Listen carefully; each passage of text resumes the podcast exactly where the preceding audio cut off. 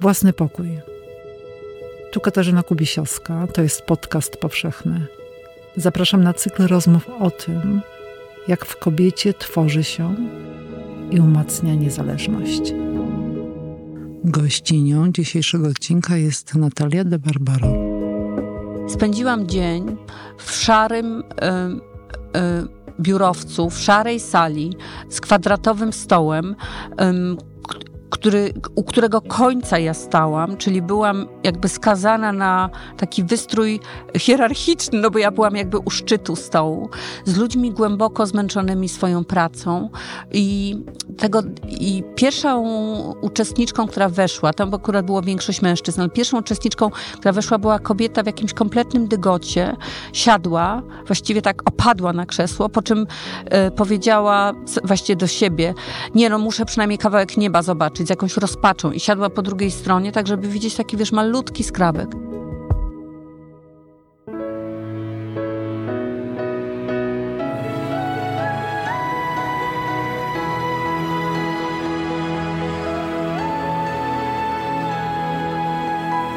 Podcast powszechny. Weź, słuchaj. Dziękujemy patronkom i patronom za wsparcie. Dołącz do grona dobroczyńców podcastu Tygodnika Powszechnego w serwisie Patronite. Dzień dobry z Krakowa ze studia Tygodnika Powszechnego przy ulicy Dworskiej 1C. Katarzyna Kubisiowska. Dziś ze mną w studiu jest Natalia de Barbaro. Dzień dobry. Dzień dobry, Kasiu. Natalia, mamy rozmawiać o własnym pokoju. Jestem gotowa. Ale zaczniemy nie od e, pokoju kobiecego, tylko męskiego. Od dwóch męskich pokoi. I myślę o pokoju, który w 2006 roku budowałaś dla y, Donalda Tuska. Że właściwie zaczęłaś y, przygodę z pokojem od y, kampanii wyborczej właśnie do Donalda Tuska, do mężczyzny. No w takim sensie, że takiej przestrzeni, mm, w której byłby jakoś rozpoznany. No to jest e, ciekawe, że rzeczywiście mm, ja się zajmowałam przez wiele lat kampaniami wyborczymi. To się zaczę zaczęło z takiej, właściwie zaczęło się od y, innego mężczyzny, mianowicie od tego, którego plakat wisi u was w redakcji, czyli Tadeusza Mazowieckiego e, wtedy, no i jeszcze wcześniej, w 89 rok. Plakat nawiązujący do e, filmu Sama Południa. Y, nie, ale ja mówię o Siła Spokoju. Ach, to była okay. kampania, w mhm. której ja miałam, tak, y, byłam wolontariuszką. I może to było jakoś łatwiejsze, żeby mm, być taką, robić właśnie przestrzeń dla czegoś, co kto inny ma powiedzieć. W jakimś sensie może, nie wiem, bo też mam takie poczucie, że mm, ja miałam swój, swój y, pokój, jak byłam y, nastolatką. Mhm. A wcześniej? A wcześniej, a wcześniej byłam z bratem w pokoju, ale potem jak wprowadziliśmy się y, do mieszkania na Długiej, miałam y, chyba 15 lat albo 16. Był taki wielki pokój jeden i moi rodzice go przedzielili i taką ścianką działową po jednej stronie y, był gabinet taty, a po drugiej stronie tej ścianki był pokój mój i mój brat miał osobny, więc teraz sobie zdałam sprawę, że ja miałam wcześniej ten własny pokój. A mogli tego nie zrobić, prawda? Mogli tej ścianki nie postawić. Mógł tato mieć gabinet, a ja być z bratem w pokoju. Ale no teraz pomyślałam, że e, tak, że jestem wdzięczna, że, że, że, że się uczyłam e, w ten sposób prawa do swojej przestrzeni. Powiedziałaś o tacie. To też w ogóle rodzice ważna figura, ale ojciec, y, po którym nosisz nazwisko. W ogóle dziedziczymy nazwiska po mężczyznach. Nawet jeżeli nie przyjmujemy nazwiska po mężu, jeżeli wychodzimy za mąż, to mamy nazwisko po ojcu. Ale e, to jest jedna część pytania. Druga dopełniająca jest taka, że twój tata, psychiatra, profesor e, Bogdan de Barbaro, twoja mama, psycholożka, Maria de Barbaro są rozpoznawalne postaci. Myślę teraz o takim budowaniu swojego nazwiska, e, blasku w cieniu w sile nazwiska rodziców, czyli jak to przebiegało u ciebie, żeby stworzyć swoje suwerenne nazwisko. No, rzeczywiście ta, ta patrylinearność to jest jakiś wątek dla mnie z jednej strony, dlatego lubię też kiedyś na jakiejś grupie mm, ktoś zaproponował taki sposób nazywania się, żeby kobieta mówiła, czyją jest córką, w tej właśnie żeńskiej linii, córką, wnuczką i prawnuczką. I ja wtedy sobie uświadomiłam, że jestem Natalia, córka Marii, wnuczka Marii, prawnuczka Marii. I e, to mnie jakoś wzrusza i tak myślę o tym czasami. E, jest też tak, że bardzo lubię swoje nazwisko. To powiedzmy rodowe, po tacie. No i e, jak, spyta, jak powiedziałaś w blasku, w cieniu, e, to pomyślałam, że jedno i drugie. Mm, że i w blasku, i w cieniu jakoś e, wzrastałam. Myślę, że mm, jakąś moją taką mm, powiedzmy emancypacyjną decyzją było to, że nie zostałam terapeutką. Chociaż i tak wielu ludzi uważa mnie za terapeutkę jakąś y, siłą y, rozpędu i no jestem, y, wykonuję, jeśli można tak powiedzieć, zawód jednak w okolicy taki quasi terapeutyczny, no bo pracuję jako psycholożka i prowadzę warsztaty psychologiczne. Ja jednak myślę przede wszystkim o rodzicach jako o źródle zasilenia. I miałam taki moment w życiu, że no, wykonałam jakiś taki późny, późny bunt, spóźniony bunt. Późny to? Późny, ja wiem, 30. Mhm, no to rzeczywiście tak. późno. No wiesz, w takich y, warunkach laboratoryjnych, nie, czyli terapeutycznych. Y, ale i, wcześ, i wcześ, no wcześniej i, i, i teraz przede wszystkim, jak się jestem mm, dorosłą kobietą, no to jednak y, patrzę na rodziców przede wszystkim z wdzięcznością. To jest moje pierwsze uczucie, no egzekwo z miłością. Natalia, która, e, której, której potomkinie miały na imię Maria, tak? Trzy, cztery? E, przodkinie. Przodkinie, przepraszam. Przodkinie, przodkinie. E, no i, i co o nich wiesz? Jakie były? Za mało. Mhm. Wiem o nich za mało. To jest... To jest los mam, właśnie wiesz, kobiet Mam wspomnienia y, moich, y, moich babć i jednej mojej prababci. Wspomnienia zapisane, rozumiem? Mm, no, są jakieś zdjęcia, są jakieś y, listy, są jakieś nawet nagrania. Bardzo też się czuję częścią, czy czuję, że częścią mnie są takie trzy siostry, czyli mama mojego taty, o której mówimy Bajaszka, już świętej pamięci, i jej siostra Maria, i jej jeszcze żyjąca y, siostra Magdalena, która ma 96 lat. Ta trójka, no to jest, to naprawdę było coś niezwykłego i, i są jakoś żywe bardzo we mnie, jako takie si zasilające, barwne, integralne postacie. A co jeszcze było niezwykłego, oprócz tego, że są integralne, że były integralne, silne i za... No, y moja y babcia, czyli Bajaszka, mama y mojego, y, mojego taty, była profesorką biologii i równocześnie uczyła mnie dotykać kwiatów, całować kwiaty. Była chyba jedną z pierwszych e, w Krakowie osób segregujących. Ona w latach, no nie wiem, 70. po prostu segregowała tak, jak dzisiaj segregujemy.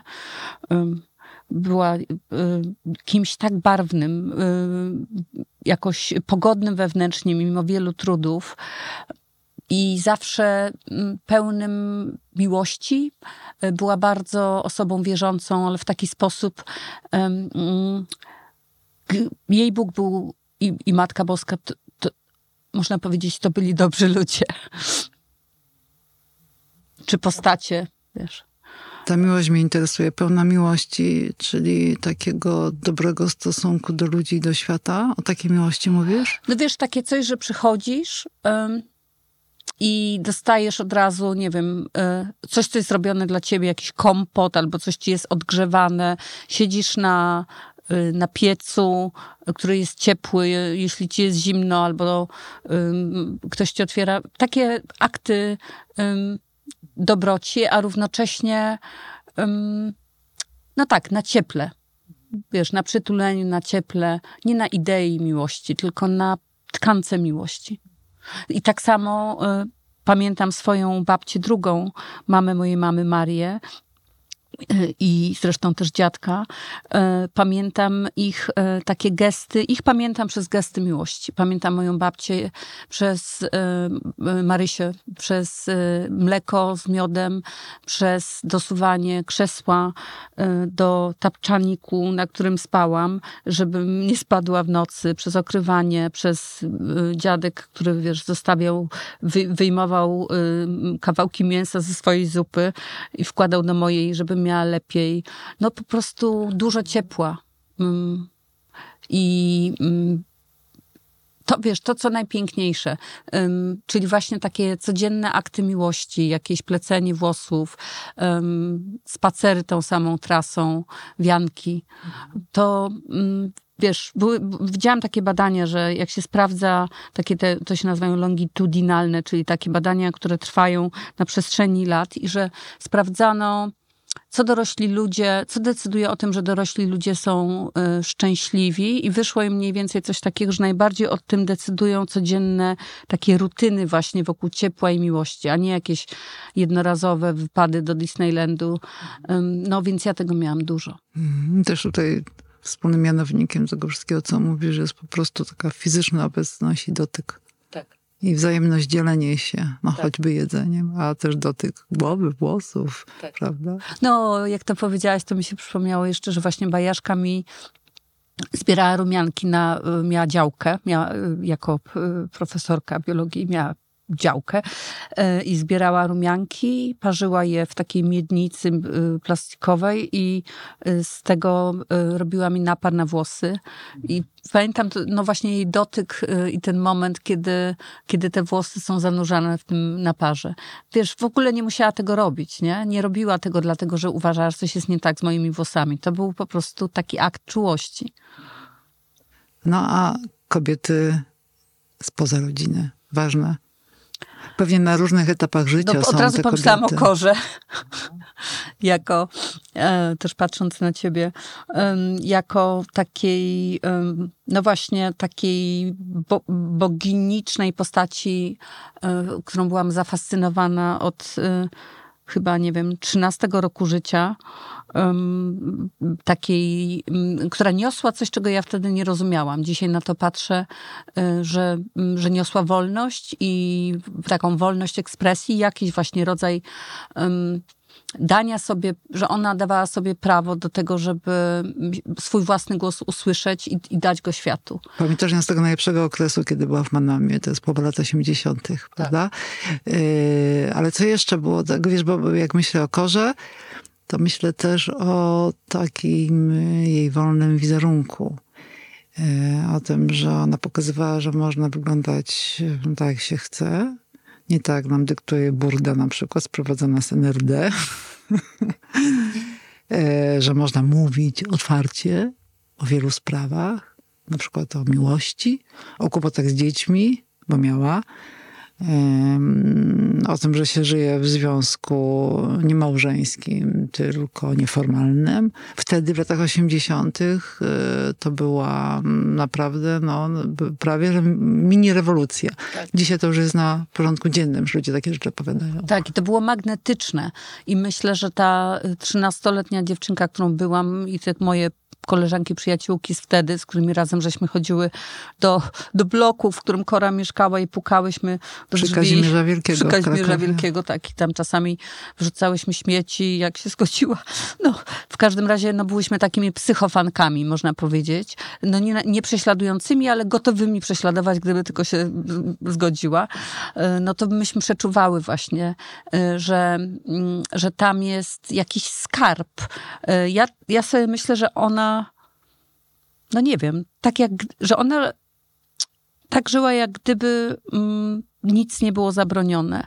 I miała rację, bo w jakimś sensie nic nie jest przynajmniej dopóki nie no, do granicy przestępstwa, prawda, nic nie jest zabronione, a tak jak gdyby zapomniała, gdzie jest. I to było niezwykle inspirujące, ale wiesz, też poetki, muzyczki.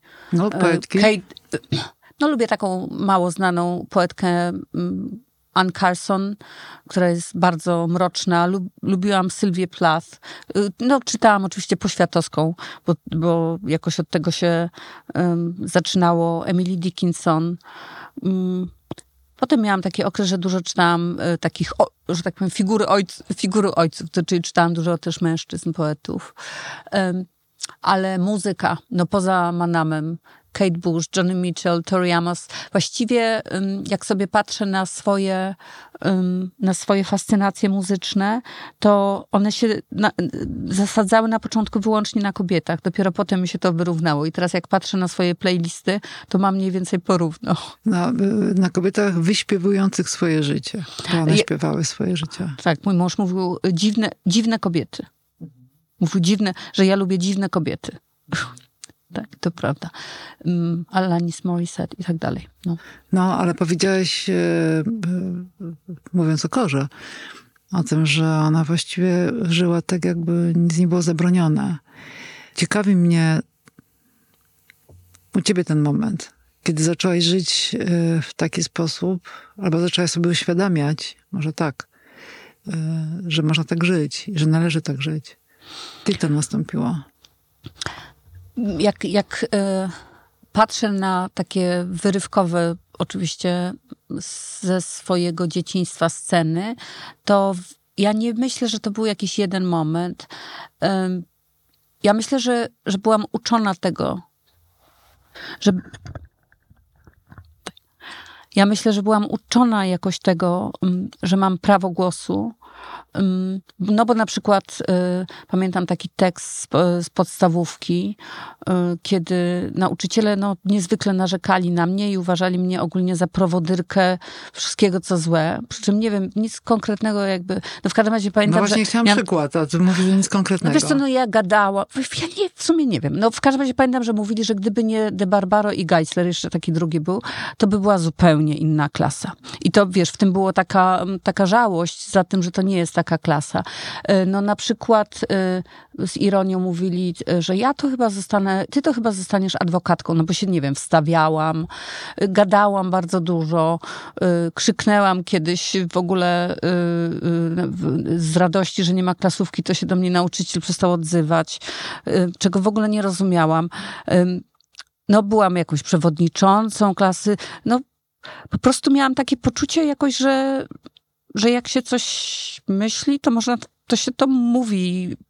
No i tak. No pamiętam, że moi rodzice um, przed wywiadówkami grali w szachy i ten, kto przegrał, to szedł.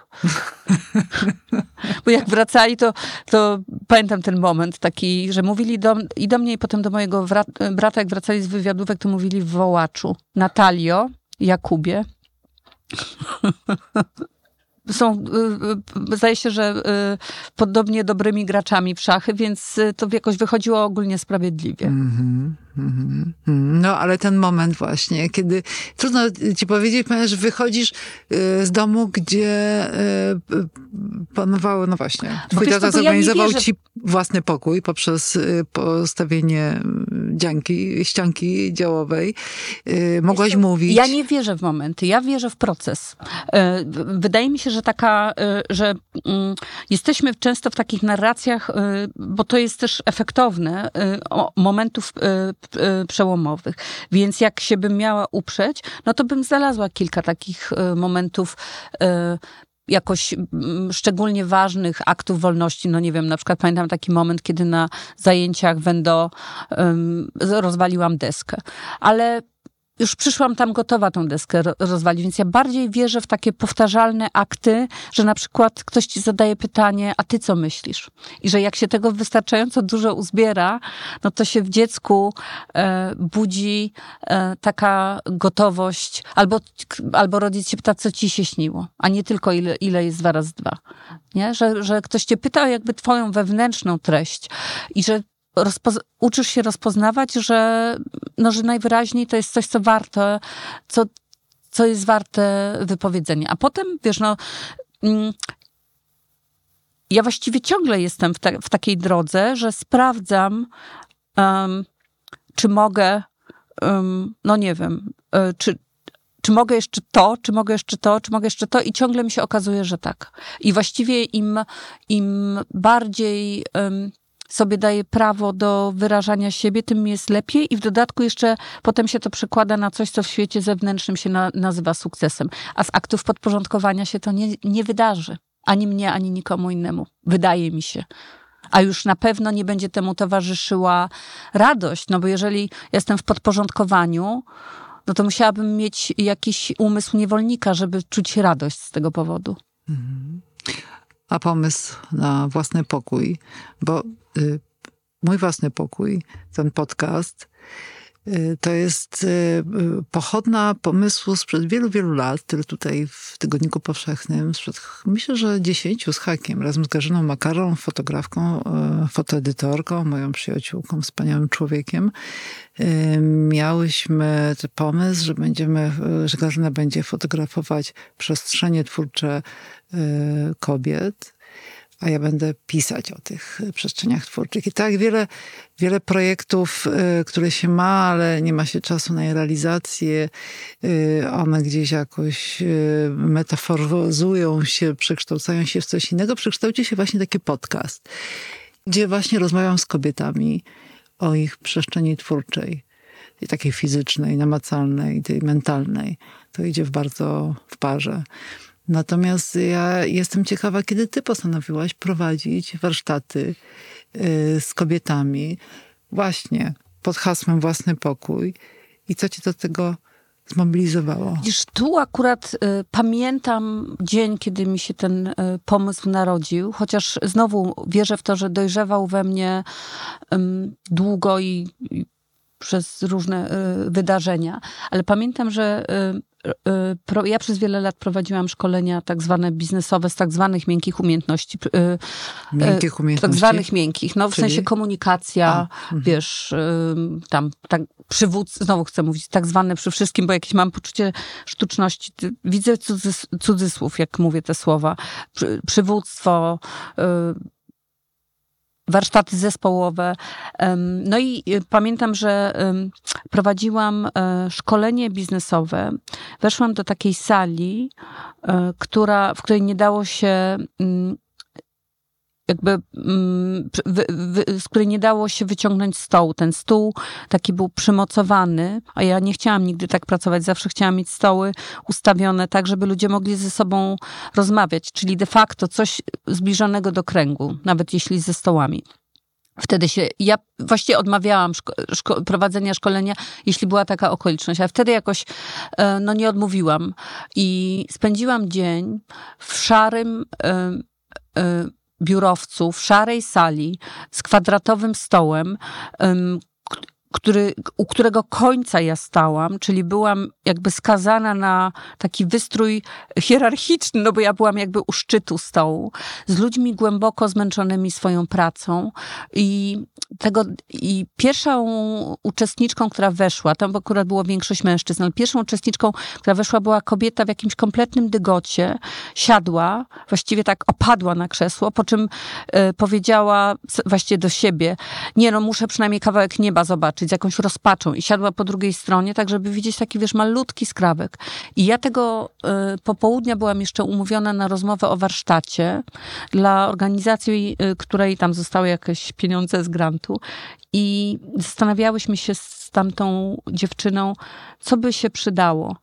I wtedy chyba na kontraście z tą przestrzenią, która wymagała ode mnie takiego kompromisu i na tym wkuję, że uczestniczę w przestrzeni, która nie jest moja, która jest nie moja i być może zainspirowana tamtą kobietą, wtedy powstał właśnie pomysł na, na warsztat taki e, dla kobiet, kiedy będą, y, kiedy będą mogły, mm, taki warsztat, y, na którym będą mogły szukać własnego pokoju w obu znaczeniach tego słowa. Mhm. I poszerzać ten skawek nieba, na który ta kobieta patrzyła tak. z takim utęsknieniem. Tak, i w ogóle wychodzić z przestrzeni, które nie są ich i zrobić swoją przestrzeń, w której no, od, biorą oddech w naturalny sposób. Wiesz, jak ja przekraczam próg swojego pokoju, chociaż lubię tą przestrzeń wspólną w swoim domu, to po prostu w naturalny sposób biorę oddech. Mnie się robi wdech głębszy.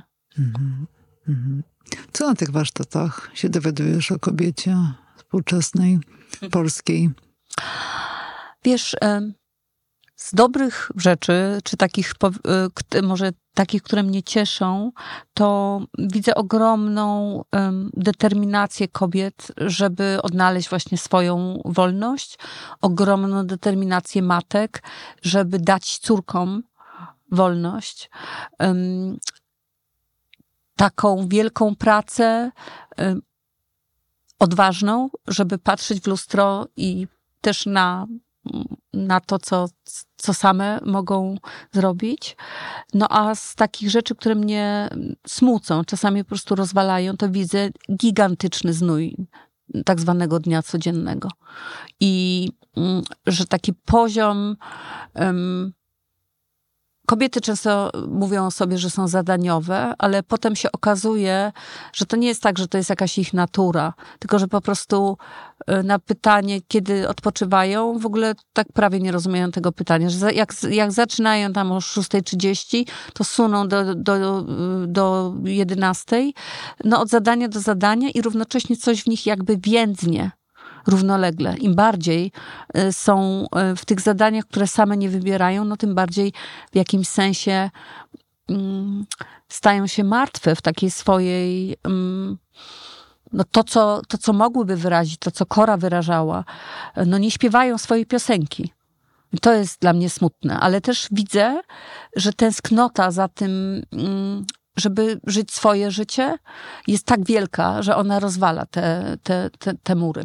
Mhm. Nie śpiewają swojej piosenki, tylko są podporządkowane. Trzeba podkreślić to słowo, nie jakimś, yy, nawet rutynie, nawet jakimś podziałom obowiązków y, w układzie wewnętrznym, rodzinnym. Y, podporządkowane są też tradycji. Jakimś. To jest ciekawe, bo wiesz, mówisz podporządkowane i z jednej strony tak, i właśnie podporządkowane też nawykom, podporządkowane mm, wtedy, kiedy raz mówią, że nie chcą być podporządkowane, a ktoś mówi, no ale przepraszam, Przecież tak zawsze było i wtedy wymiękają jakby na tej drugiej rundzie. Z jednej strony podporządkowane, a z drugiej strony jakby komple- totalnie um, sprawcze w takim sensie, że ogarniają życie swojej rodziny i to jest dla mnie zaskoczenie, bo ja naprawdę miałam jakieś takie złudzenie, że obowiązki domowe, no właśnie widzę, że ciebie też rozbawiłam, e, że na przykład tak zwane obowiązki domowe i cała, i to, co się nazywa też charówą emocjonalną, czyli pamiętanie o tym, co ma zostać zrobione, kto kiedy ma imieniny, kto co lubi, yy, święta i tak dalej, że ja myślałam, że to jest po, na, na pół już teraz, a nie jest. No, te, y, świetnie zabrzmiała mi ta fraza y, charówa emocjonalna. Y, bo to jest coś, o czym się nie mówi. Mówi się o takiej charówie zawieść, przywieźć, kupić, odwieźć, posprzątać, pamiętać. Y, no, to pamiętać już troszkę się wpisuje w charówę emocjonalną. To jest gigantyczny wysiłek, wysiłek psychiczny. O tym się bardzo niechętnie mówi. W ogóle mało się mówi. Myślę sobie, że ten warsztat, twój własny pokój, ta książka, którą napisałaś ostatnio, czyli Czuła przewodniczka, to ten sukces, który, który towarzyszy y, książce twojej, mm, kolejne do druki, kobiety, które y, z tobą się przecież kontaktują, pokazuje, że kobiety chcą właśnie to swoje życie opowiedzieć i rozpoznać w jakiejś opowieści twojej tutaj akurat, żeby ktoś im pokazał, że to, co one tam czują, a czasami nie znajdują słów na to, żeby opisać te uczucia, ktoś inny pokazując im, że to jest możliwe, że mają do tego prawo,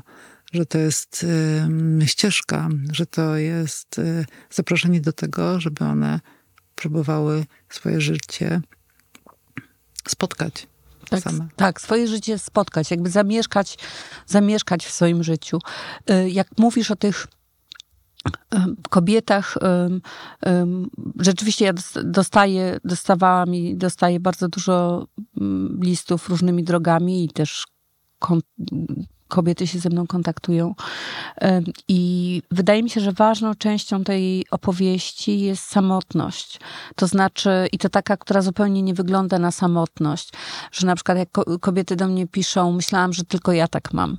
I, no i wiesz, jak dostaniesz takie, taki list kilkaset razy, czy może i więcej nawet, no to dajesz y, sobie, no to widzisz, że, że, że niechcący powiedziało ci się coś, co się okazuje dość uniwersalne. No wiesz, teraz w Chorwacji ta książka jest numerem jeden, y, więc to się okazuje, że to jest nawet y, poza granicami, ale właśnie częścią tego, ja myślałam, że tylko ja tak mam, jest ukrywanie. I myślę, że częścią tego wysiłku jest ukrywanie tego, że nie ogarniam. E, no i na przykład jak się popatrzysz na Instagrama, no to tam są przecież same piękne postacie wyginające się na, na tle różnych egzotycznych drzew, zachodów słońca, inteligentne wypowiedzi dzieci, ich występy na, wiesz, koncertach i jakichś w salach w jakichś gimnastycznych. No jest po prostu sielanka.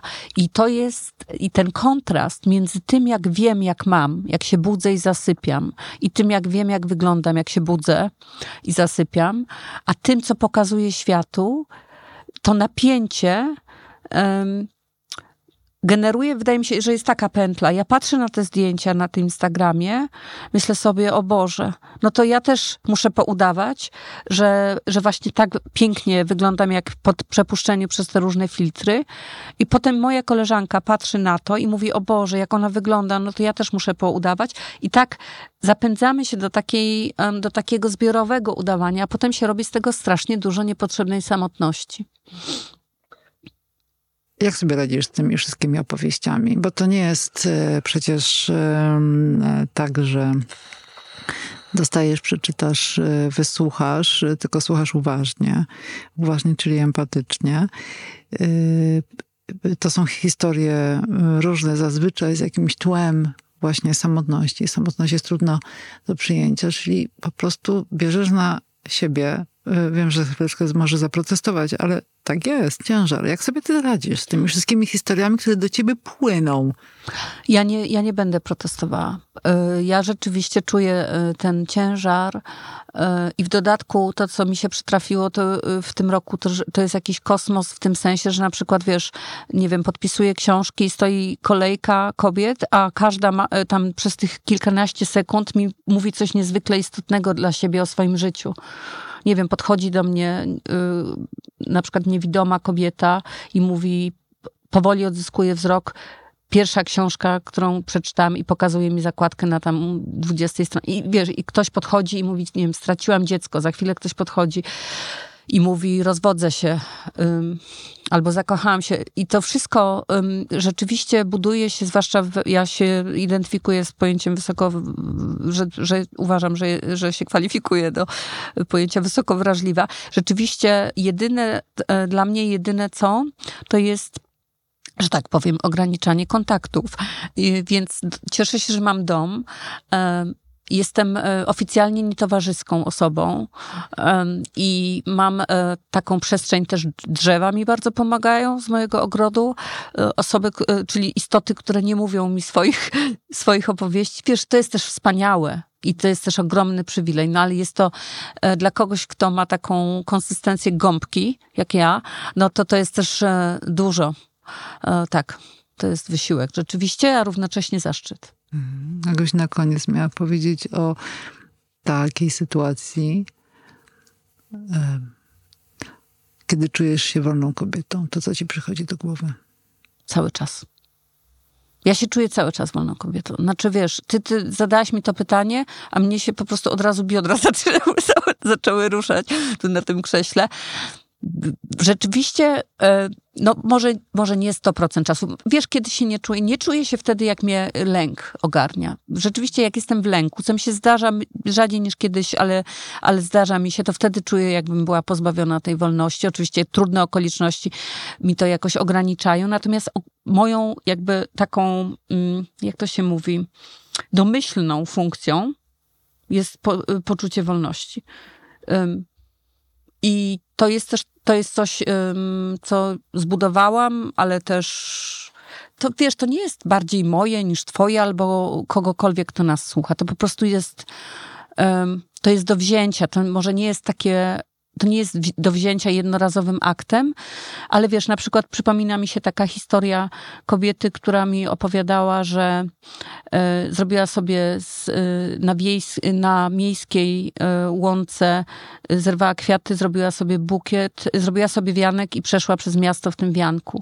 No i dla tej kobiety ten jednorazowy akt wolności, kiedy się okazało, że nic się nie stało, nie została zaaresztowana i, i w dodatku wzbudziła wręcz entuzjazm swoich przyjaciółek, że ten jednorazowy akt wolności był takim, taką podpowiedzią, że można sięgać po więcej. Więc e, ja wierzę, że to jest jakiś proces i że oczywiście jedni mają w nim łatwiej, drudzy trudniej, ale że, um, że, że coś czeka, um, że ta wolność jakby czeka, żebyśmy ją wzięły.